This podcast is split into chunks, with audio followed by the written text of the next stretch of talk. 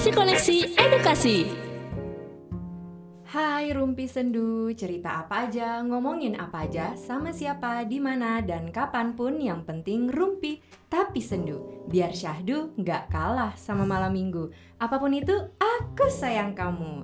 Yuhu, kembali lagi bersama Jihan Sueleh di sini dan masih ditemenin sama Rian Saiful Rizal alias Ipul alias Upai. Yeay, halo semuanya, Sobat Sendu. Halo, udah makan Pai?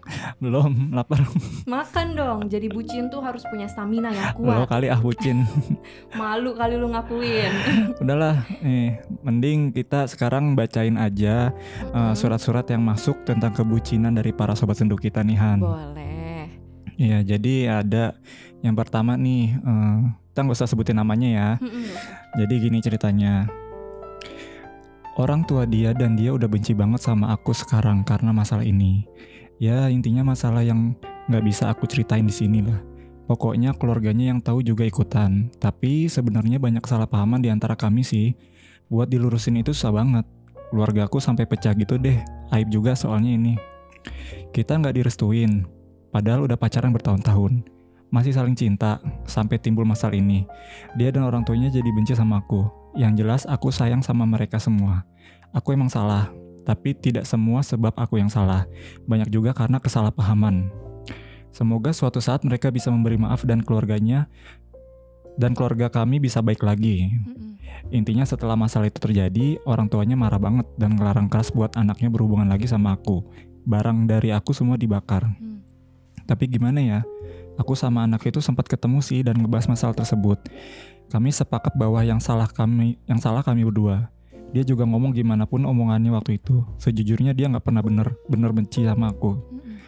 Tapi mau gak mau ya dia memang harus lebih dominan ke orang tuanya. Aku sempat mau dipenjarakan sama orang tuanya. Tapi ngelihat ortuku itu kakaknya orang tua pacarku, jadi ya ditahan, batal dipenjarain. Aku sampai tiga minggu gak masuk kantor dan sekarang malah ke Jogja. Bukan mau lari dari masalah tersebut, tapi rasanya pergi jadi pilihan paling realistis saat ini. Aku sayang banget sama mereka sebenarnya. Ya setidaknya ini permintaan maafku sama mereka semua. Aku nggak berniat menjatuhkan siapa pun. Yang namanya manusia kan, emang letak kesalah dan hilap. Tapi memang juga banyak kesalahpahaman dengan semuanya. Aku kasihan sama keluarga yang kena dampaknya. Aku sayang mereka semua. Semoga suatu saat bisa mel- meluk mereka. Sekarang sosmedku udah diblokir sama pacarku itu. Terakhir kita chattingan ngomongin masalah itu. Kita ketemu, terus chat terakhir dia abis itu cuma bilang jaga kesehatan. Jangan terlalu sedih. Dia blokir aku karena nggak mau lagi bohongin orang tuanya. Kan kemarin dilarang keras buat berhubungan lagi. Tapi kan akhirnya tetap bisa ketemu gitu. Jadi sekarang dia blok semua biar aman. Ini permohonan maaf banget buat mereka semua, juga keluargaku. Ortuku pun sebenarnya udah nggak tahu mau ngapain. Aku dilarang pergi tapi aku bener-bener nggak bisa di saat ini. Terima kasih. Sedih ya. Gue tuh eh, nggak bisa gitu loh ngebayangin eh, diri gue ada di posisi orang-orang yang pacaran sampai bertahun-tahun, terus Mm-mm. ujung-ujungnya putus gitu atau nggak direstuin gitu kan.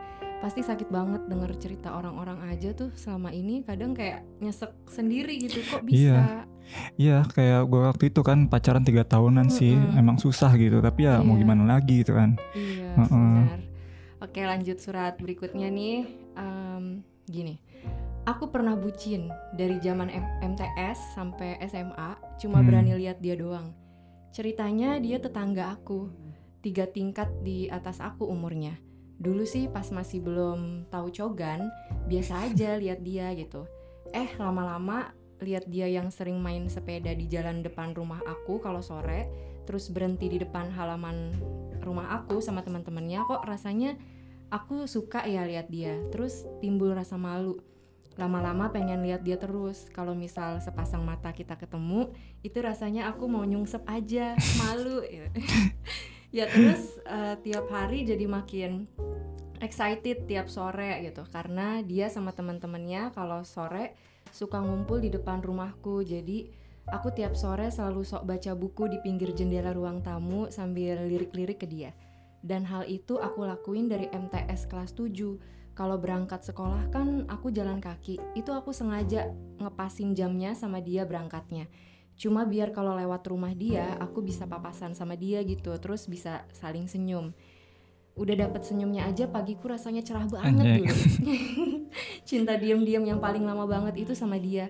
Sampai rasanya tuh sayang banget dan pengen lihat dia bahagia aja. Hmm. pernah ada kesempatan yang dikasih Allah sama aku satu-satunya kesempatan aku bisa ngobrol berdua aja sama dia dan itu sekitar satu setengah jam pertama kalinya seumur hidup aku ngobrol panjang sama dia dan itu jadi satu kenangan yang sangat indah buat aku. Hmm. dia asik nyambung karena dia suka seni dia juga tahu K-pop dan drama. Hmm. ini tuh eh, zaman 2009 gitu jadi aku masih bego soal K-pop.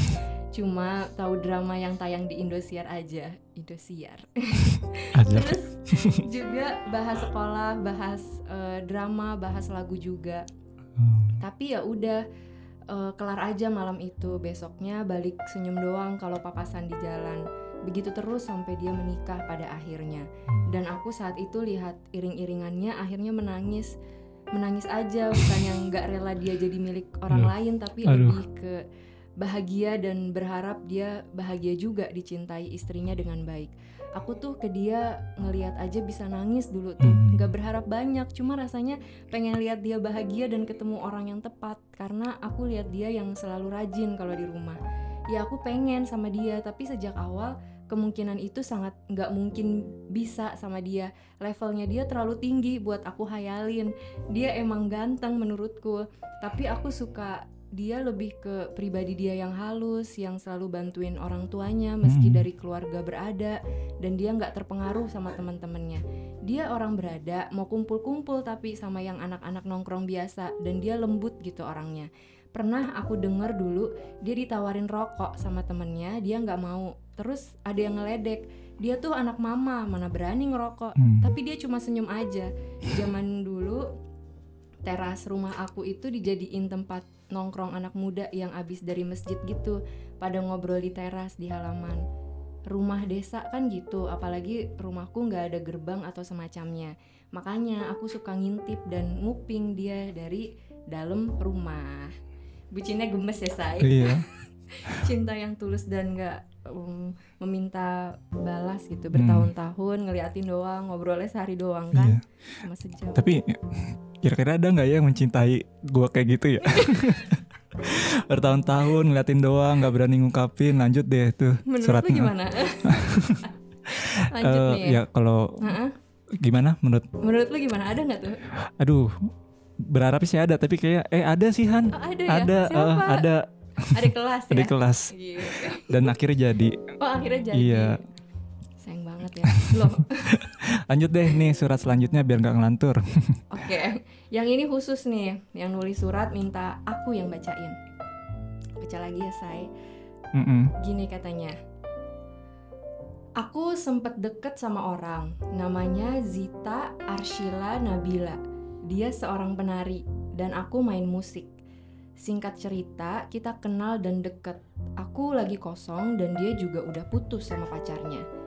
Hari-hari kita selalu bersama, latihan bareng, dan juga pulang latihan selalu sempetin jalan-jalan dan makan dulu. Hmm. Pokoknya indah banget.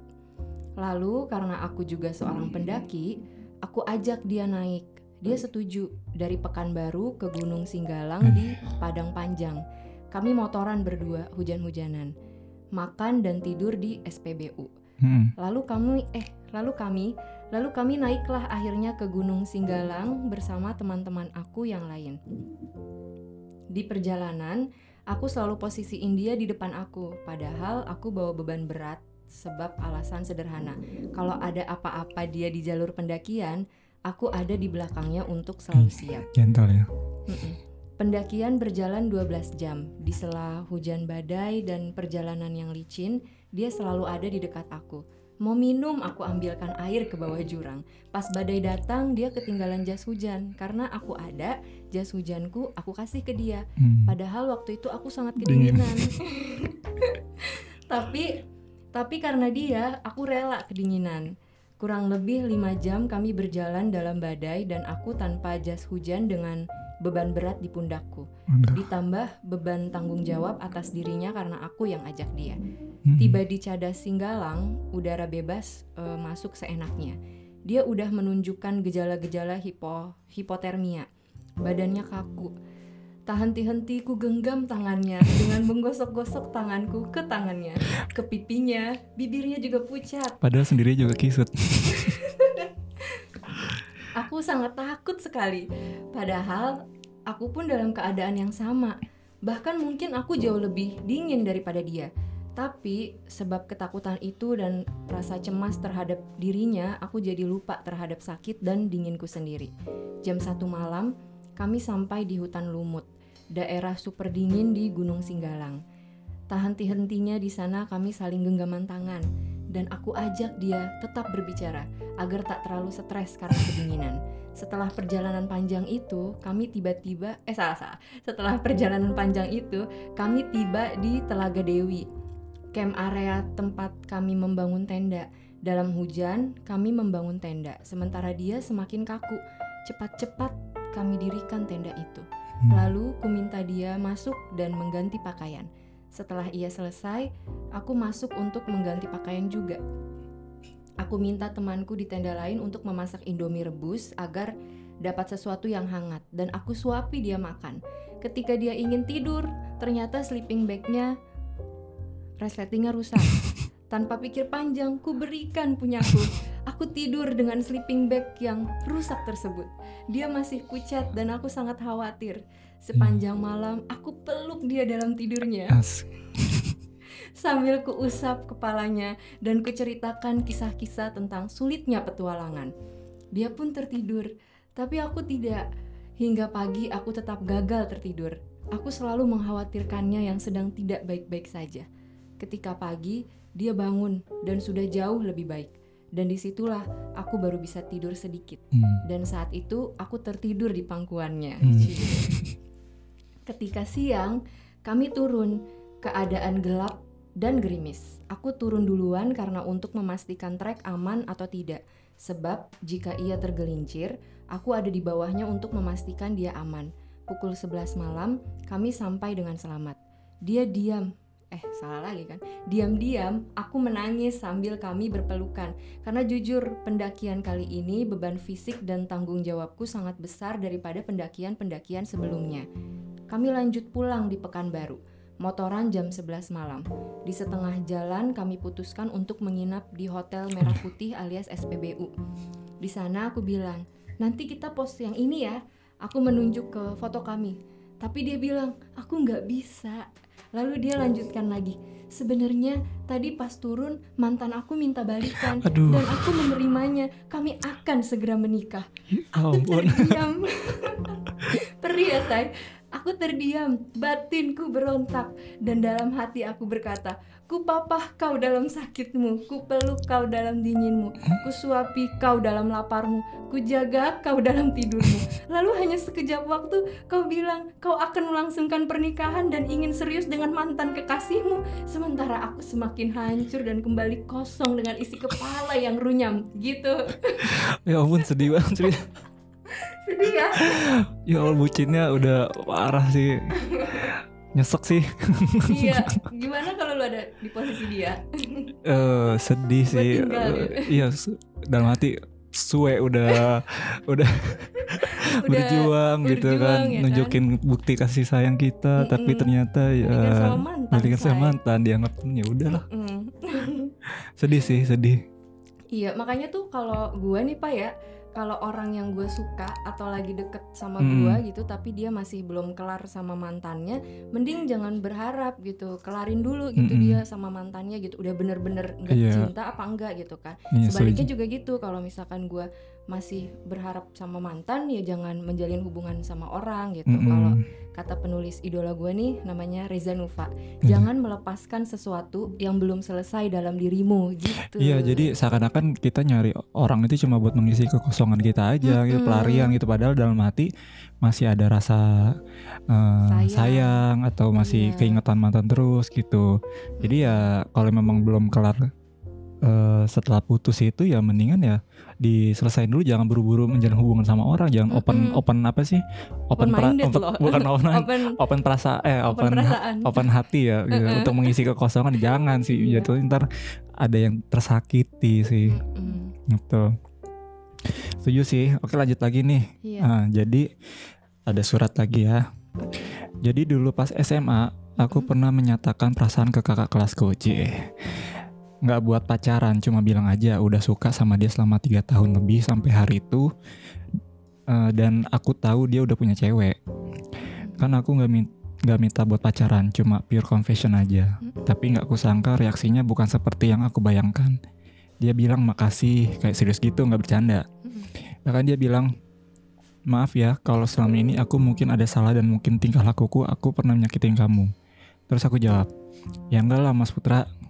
Ini nama samarin. Enggak, Oh. namanya dia minta disebut. Ya enggak lah Mas Putra, nggak ada. Terus dia bilang lagi, aku tahu ini berat buat kamu. Aku aja laki-laki yang udah lebih dari satu kali nyatain perasaan ke cewek aja masih susah, apalagi kamu. Jujur kamu cewek pertama yang nyatain perasaan ke aku. Dan mungkin aku bakal inget ini terus sih sampai kapan pun. Makasih banyak ya. Dia bilang kayak gitu ke aku dan bikin aku tuh ngerasa lega udah nyatain perasaanku ke dia. Bahkan ngerasa yang ih ini nggak kayak yang aku bayangin gitu. Ini pertama kalinya dan aku pikir aku bakal dapat reaksi dari dia yang bikin dia ilfeel gitu. Tapi ternyata dia bilang makasih, dia baik banget sih. Sampai detik ini dia masih cowok yang menurutku paling baik. Karena menurutku aku kan bukan siapa-siapanya dia. Tapi ketika aku nyatain perasaanku ke dia, reaksinya dia bijak, kalem, santai dan gak menjatuhkan harga diri perempuan. Atau jadi kayak sok kegantengan gitu kayak cowok pada umumnya. Terima kasih Mas Putra. Wih, Iya.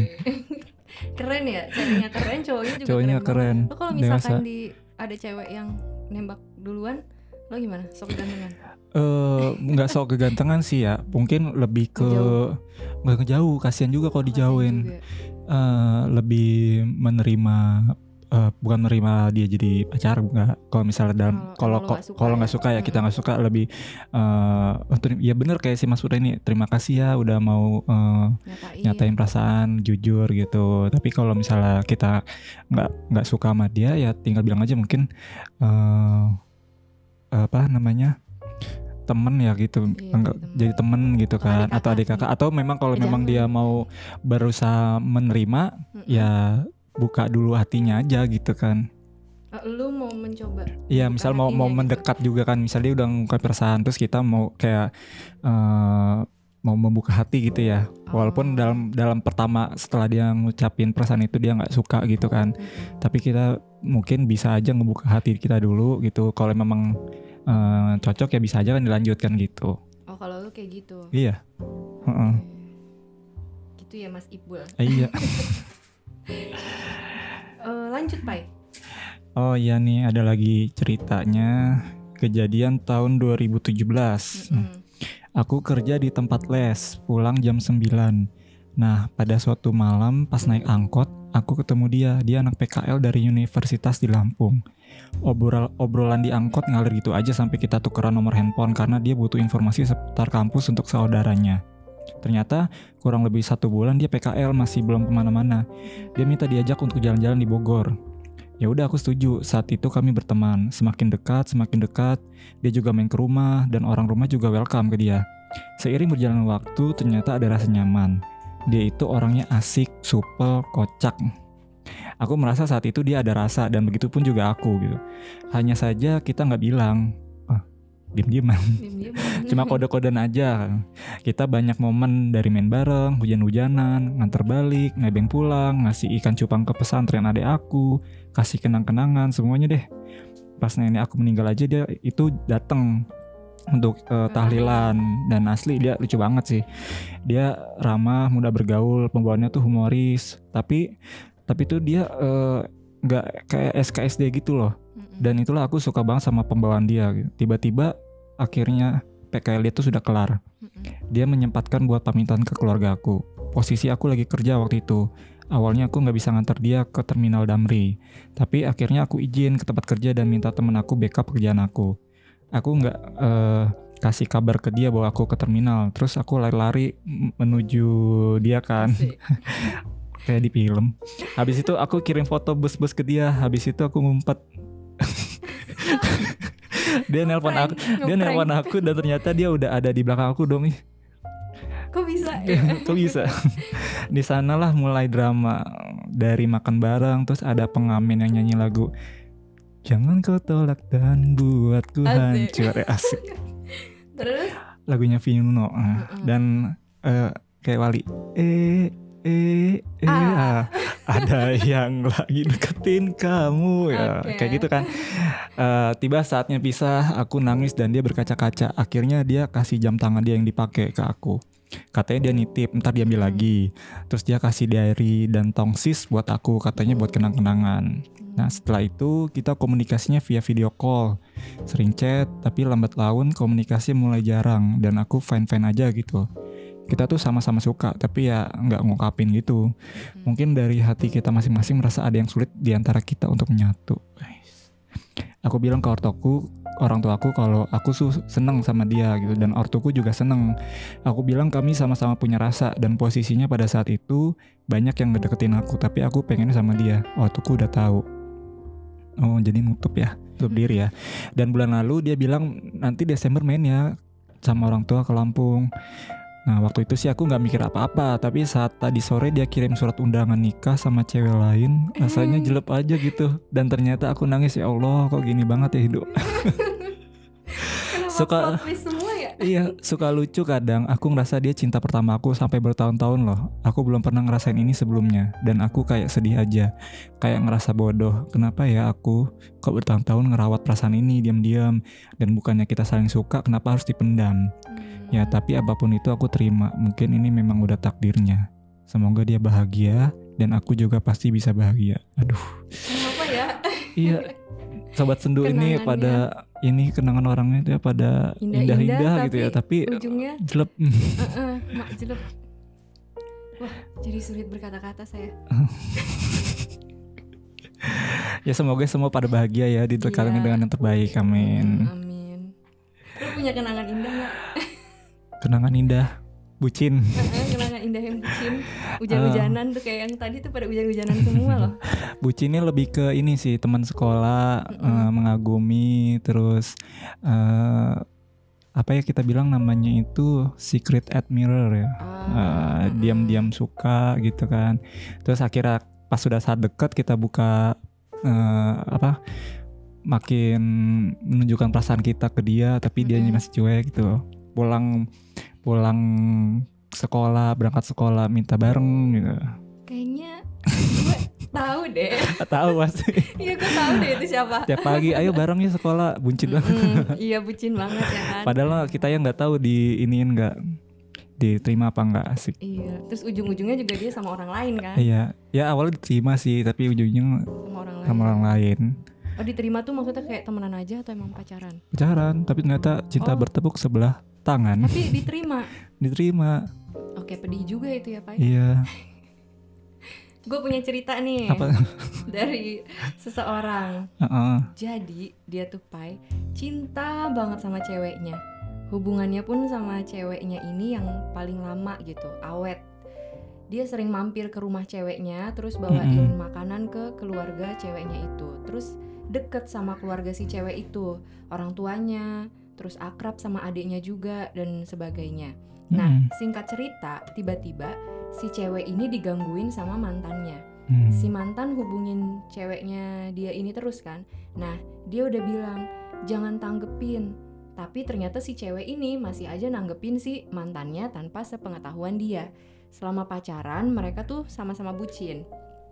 Terus si cewek ini katanya selalu ada buat eh, dia gitu eh, gimana pun kondisinya. Pas lagi susah si cewek support sampai dia bangkit lagi. Mm-mm. terus yang tadinya si sobat sendu kita ini orangnya buruk jadi ke jalan yang bener katanya gara-gara si cewek ini. Pokoknya cewek ini the best banget buat dia. Nah suatu ketika mereka ribut karena si mantan ini yang gangguin ceweknya terus. Nah kalau nggak salah tuh si cewek ini juga dipanas-panasin sama temennya Oh. dia yang naksir sama si sobat sendu kita biar ini. biar berantem ya? Heeh, biar berantem gitu. Kayak ada kecemburuan hubungan mereka lagi renggang nih masuk ah panas-panasin gitu biar putus. Eh, karena dia sakit hati gitu nggak bisa ngedapetin si sobat sendu kita ini gitu. Jadi awalnya tuh eh, deket sama si cewek ini eh ternyata kok malah jadiannya sama temannya si cewek ini gitu. Hmm. Iya ngerti kan ya jadi gini si sobat sendu kita yang cerita ini Iya. pertamanya deket sama si cewek, Cewek. misalnya namanya A nih Ah, dari ah. A Aing. Nah, Mm-mm. si Aing itu udah suka kan sama si sobat sendu ini. Iya. Sobat sendu nggak suka sama si Aing. si Aing heeh. Nah, sobat sendu ini sukanya sama, sama si si B si B. Heeh. Nah, akhirnya jalan sama si B. si B Mereka pacaran, Pacaran. cocok, ngebucin bareng gitu. mm-mm, Nah, tiba-tiba mereka lagi renggang, si Aing itu masuk masuk ngegangguin, manas-manasin Oh. tentang mereka itu. Nah, terus setelah itu udah tuh mereka ribut. Ternyata panasnya sampai ke keluarga si cewek. Hmm, Terus ibunya minta kepastian ke si cowok ini. Coba kalau emang kamu beneran cinta sama anak saya, kamu bayarin kuliah anak saya. Uh.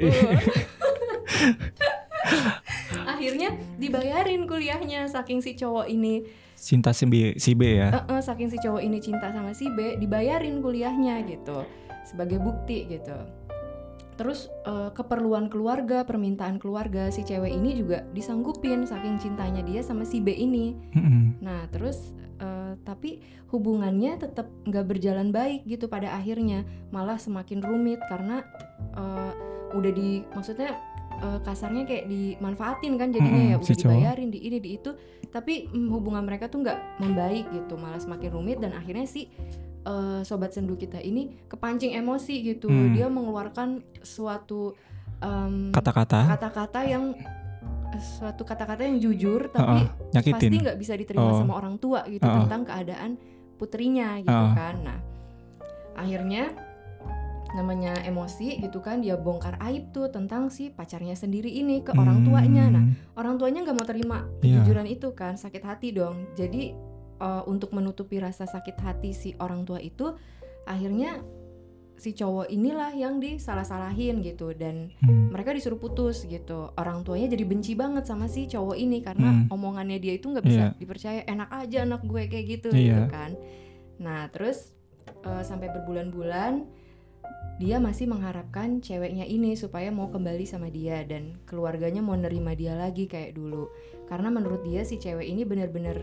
terbaik buat dia gitu Mm-mm. juga benar-benar mengubah mengubah hidupnya gitu. Dan sampai sekarang dia masih nggak bisa ngelupain mantannya ini dan masih berharap mereka bisa berjodoh gitu. Walaupun Terus udah yang- putus. yang temen yang si Aing yang si Aing itu udah udah selesai Oh, sampai di situ oh kirain masuk ke Mm. kehidupan si cowok enggak karena kan si cowoknya nggak suka gitu Iya. Ah, berarti ini kisah-kisah sobat sendu dari tadi itu banyak yang permasalahan asmaranya sampai ke rumah keluarga ya, ke ranah Iya, keluarga ya. keluarga ribet banget Sampai orang tuanya itu ikutan benci, terus ngelarang si anaknya deket sama pacarnya gitu. Wah, itu Heeh. udah susah sih. iya udah susah sampai Heeh. ada yang lari ke eh Mm-mm. bukan lari ya menenangkan diri ke Jogja gitu. Rumit-rumit say Ya, gue nggak tahu sih kalau gue juga ada di posisi kayak mereka sih. Mm-mm, gua Heeh. kayaknya tidur deh pai Kalau gue bakal bakal apa bakal lari dari bakal lari ke mana ke dari dunia ini Tadi pernah loh, gue juga begitu eh, men- lari juga sih sampai Mm-mm. sempat kepikiran, ih gue udah nggak mau ketemu lagi nih akhirnya sama Ah, itu kan, mm-mm. iya Oh, karena udah bertahun-tahun juga kan Iya. emang kalau pacaran udah bertahun-tahun tuh kayaknya rumit ya iya, makanya pacaran sebulan dua bulan dua makanya minggu ya kan langsung nggak lama kan gue kan, mm, Mm-mm. karena tidak mau merasakan kesakitan, iya iya sih benar jadi bisa membangun eh, benih-benih kebahagiaan asik Iya. bareng-bareng. Mm-mm. Tapi gue pernah baca nih pai. Mm, dan gue meyakini itu sih gitu. Pernah juga gue bahas di Rumpi Sendu episode kendali komunikasi. Iya, yang- ada dua uh-uh. episode. Boleh dengerin ulang Iya, buat teman-teman mm-mm. yang belum dengerin. Jadi salah satu fungsi dari komunikasi itu adalah pengendalian lingkungan. Gimana kita menghasilkan respon yang bisa kita prediksi dan kita inginkan dari orang lain. Sementara kendali itu sendiri adalah keahlian sosial kita kita bisa menggunakan kemampuan berkomunikasi untuk mengendalikan sesuatu di sekitar kita kan apakah positif apakah negatif itu tergantung kitanya dan Mm, tiap-tiap orang memiliki gaya pengendalian yang berbeda-beda. Orang-orang yang bucin itu tuh berarti eh, udah dalam tahap ketergantungan kan. mm, Mereka nggak berhasil mengendalikan dirinya, apalagi orang di sekitarnya kan nggak mungkin karena Mm-mm. mengendalikan diri aja nggak bisa, Udah bisa. gitu. Dan malah justru mereka yang Iya. dikendalikan sama pacarnya, Pacarnya. gitu atau sama orang tua pacarnya, terus Hmm. dikendalikan juga sama emosinya sendiri Mm-mm. gitu. Jadi nggak bisa kontrol gitu. Cinta kan emosi bisa jadi baik kalau bisa kita kontrol Mm-mm. bisa jadi buruk, Buruk. kalau nggak bisa kita kontrol gitu berharap itu kan juga emosi berharap sama orang yang udah punya pacar sama Mm-mm. punya suami jadi pelakor segala macam itu kan kadang nggak bisa mengendalikan eh, harapannya gitu banyak orang yang terjebak sama dirinya sendiri karena nggak mampu mengendalikan apa yang eh, bergejolak di dalam jiwanya Jiwanya. itu gitu dari dan banyak dari kita itu tuh bukan memelihara rasa cinta tapi memelihara ekspektasi, memelihara rasa penasaran, rasa kecewa, khawatir, sedih, Mm-mm. takut gitu kan. Jadi kayak penting banget kalau menurut gue gitu buat kita tuh belajar sadar penuh atas pikiran dan perasaan kita gitu. Jadi kita nggak mudah terombang-ambing gitu. Belajar bikin skala prioritas dan belajar menjadi orang yang tegas gitu kan. Iya iya enggak enggak gitu. Kalau emang belum tuntas jangan dilanjut gitu karena cuma kita yang bisa mengendalikan diri kita sendiri gitu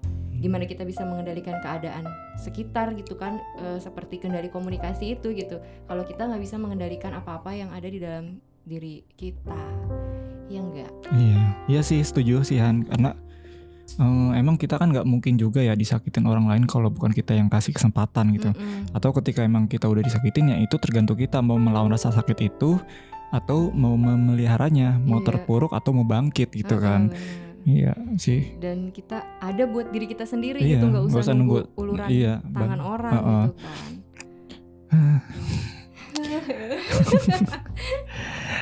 Ya Oke. Oke. eh, mungkin dari kita itu aja kali ya. Oke, makasih Iya. banyak nih ya buat hari ini. Jian juga udah Hmm. nemenin, nem- nemenin kita nih ngobrol di Rumpi Sendu kali kembali ini. ke saya Ini punya Ipul Kan udah diakuisisi. Iya. eh, enggak lah Han. Tetap milik Jihan seorang kok. Asik. Kita cuma partner. Yo. Mm-mm. Ya makasih banyak pokoknya buat sobat sendu yang udah kirim-kirim surat eh, kemarin ya. Senang banget bisa bacain cerita-cerita kalian. Makasih juga udah dengerin kita di episode kali ini. Sampai ketemu lagi di Rumpi Sendu selanjutnya. bareng Rumpi Sendu, cerita apa aja, ngomongin apa aja, sama siapa, di mana dan kapan pun. Yang penting rumpi tapi sendu. Biar syahdu nggak kalah sama malam minggu. Apa pun itu, aku sayang kamu. Bye.